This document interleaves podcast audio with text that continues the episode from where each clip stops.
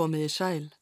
Olivier Chabrier lék á fýðlu og Emil Naumov á piano, Nocturnu eftir Lili Boulanger.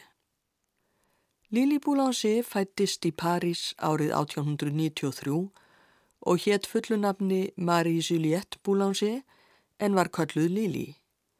Eldri sýstir hennar, Nadia Boulanger, var fætt 1887 og átti eftir að verða virt tónskáld, stjórnandi og tónlistarkennari. Líli varð einnig virt tónskáld en ferill hennar varð mun stittri en ferill sýsturinnar. Nadia Boulanger lést árið 1979, 92 ára gömul. Líli Boulanger var hins vegar aðeins 24 ára þegar hún dó árið 1918. Það virðist undarlegt að tónskáld sem dó svona ungd skildi ná að tryggja sér nafn í tónlistarsögunni. En Lili Boulanger var undrabarn og hóf tónlistarnám áður en hún var fimm ára.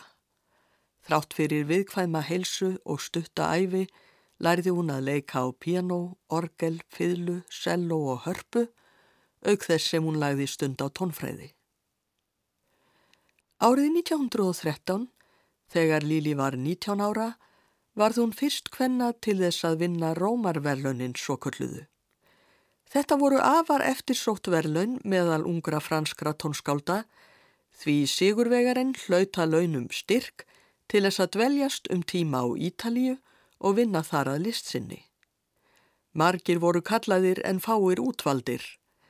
Meðal þeirra tónskálda sem fengur Rómarverlunin á 19. öld voru Hector Berlioz, Georges Bizet og Claude Debussy.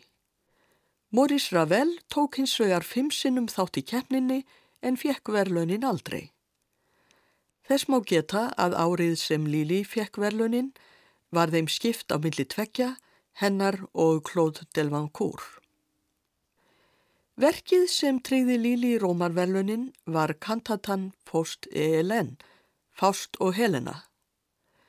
Líli samdi kantötuna við texta eftir Eugène Adinis sem er lauslega byggður á síðari hluta leikritsins Faust eftir Göte. Eins og kunnugt er fjallar Faust um fræðimann sem selur sál sína djöflinum, Mefistofélesi, gegn því að hann uppfylli óskir hans. Það er í rauninni fyrri hluti leikritsins sem er frægastur, sagan af ástum Fausts og Gretu og á þeim hluta byggði sjálf Gunó óperu sína Fást. En Líli byggði kantötur sína á síðari hluta leikritsins þar sem Mefistoféles heldur áfram að uppfylla óskir Fásts. Í þessum þætti verður öll kantatan flutt. Hún hefst á samtali Mefistofélesar við Fást. Fást lætur sig dreyma um fegurstu konu sem uppi hefur verið, Helenu Fögru, og byður Mefistoféles að sækja hana. Þú ert þá undir eins búin að gleima Gretu, segir Mefistoféles, en Fást hrekkur við og byður hann að ívekki samviskubitt sitt vegna hennar. Nú er það Helena sem á hug hans og hjarta og hann vil fá hana til sín. Mefistófeles segir að það geti verið hættulegt, fegurð Helenu hafi þegar kostað marga menn lífið.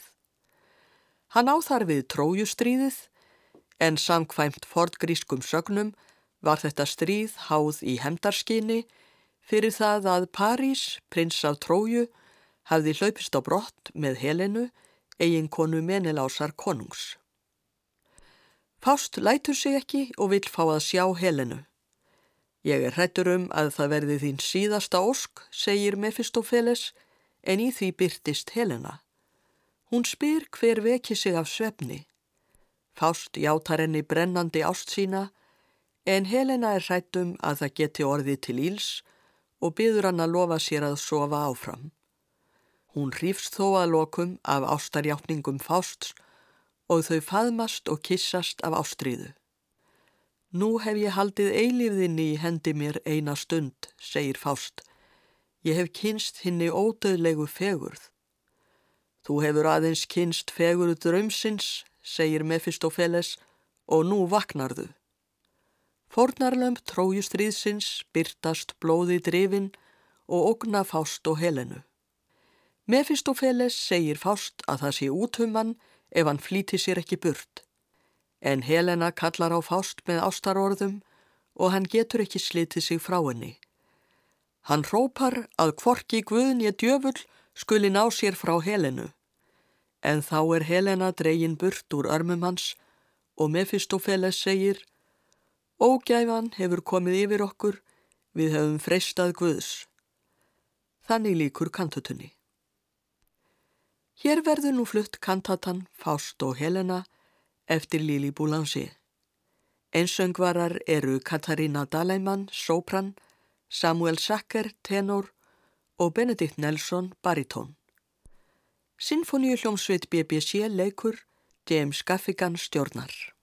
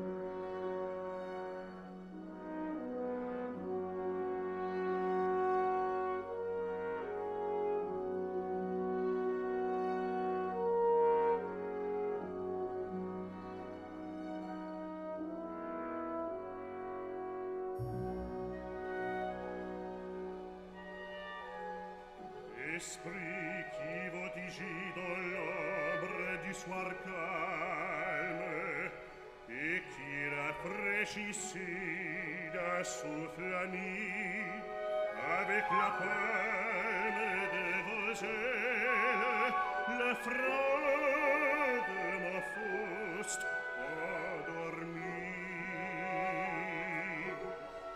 si faut que soit les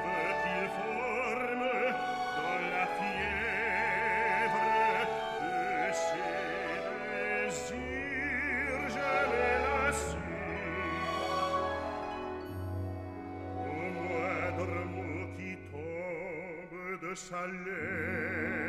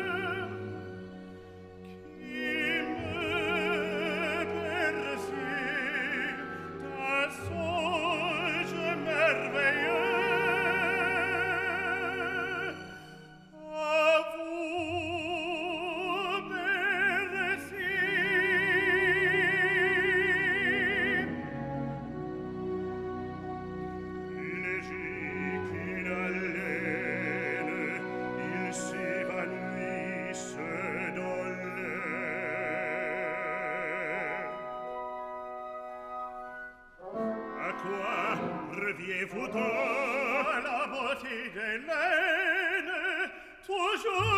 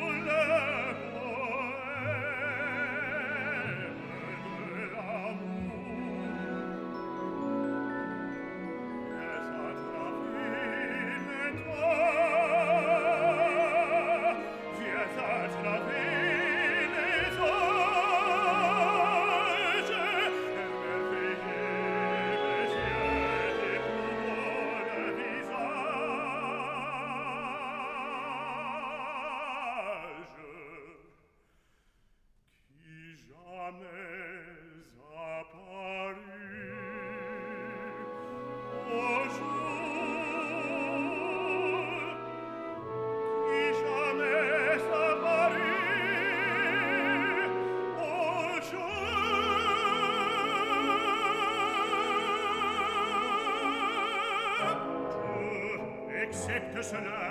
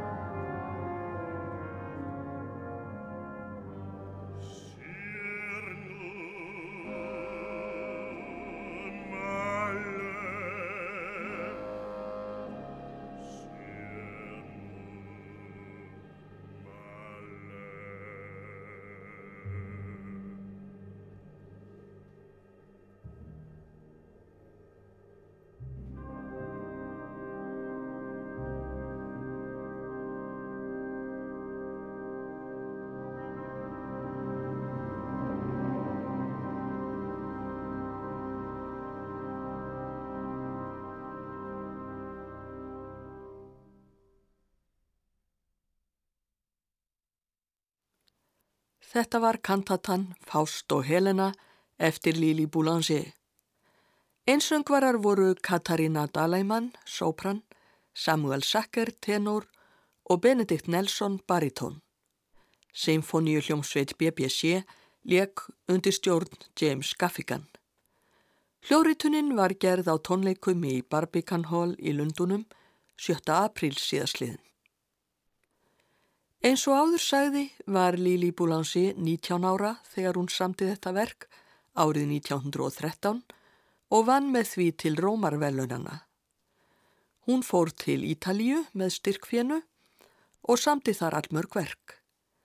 Við hlýðum nú á stutt pianoverk sem hún samti árið 1914 og heitir Dans Vieux Jardin frá gömlum gardi. Tali er að það sem byggt á minningum um bernsku slóðirnar en Lili ólst upp skamt frá Giverny þar sem listamadurinn Móni átti frægan garð.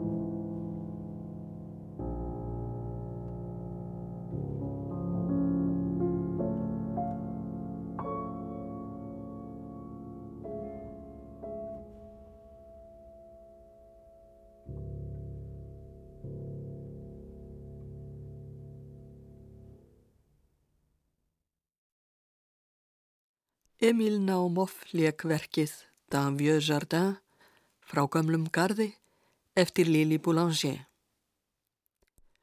Árið sem þetta verk var samið, 1914, braust heimstyrjöldin fyrri út. Lili helgaði sig hjúkrun særðra Hermanna en hún var sjálf heilsuveil og 15. mars 1918 lést hún 24 ára aðaldri. Banameinið var skráð sem berglar en nú er talið hugsanlegt að hún hafi verið með krónsjúkdóminn sem ekki hafi verið greindur á þessum tíma.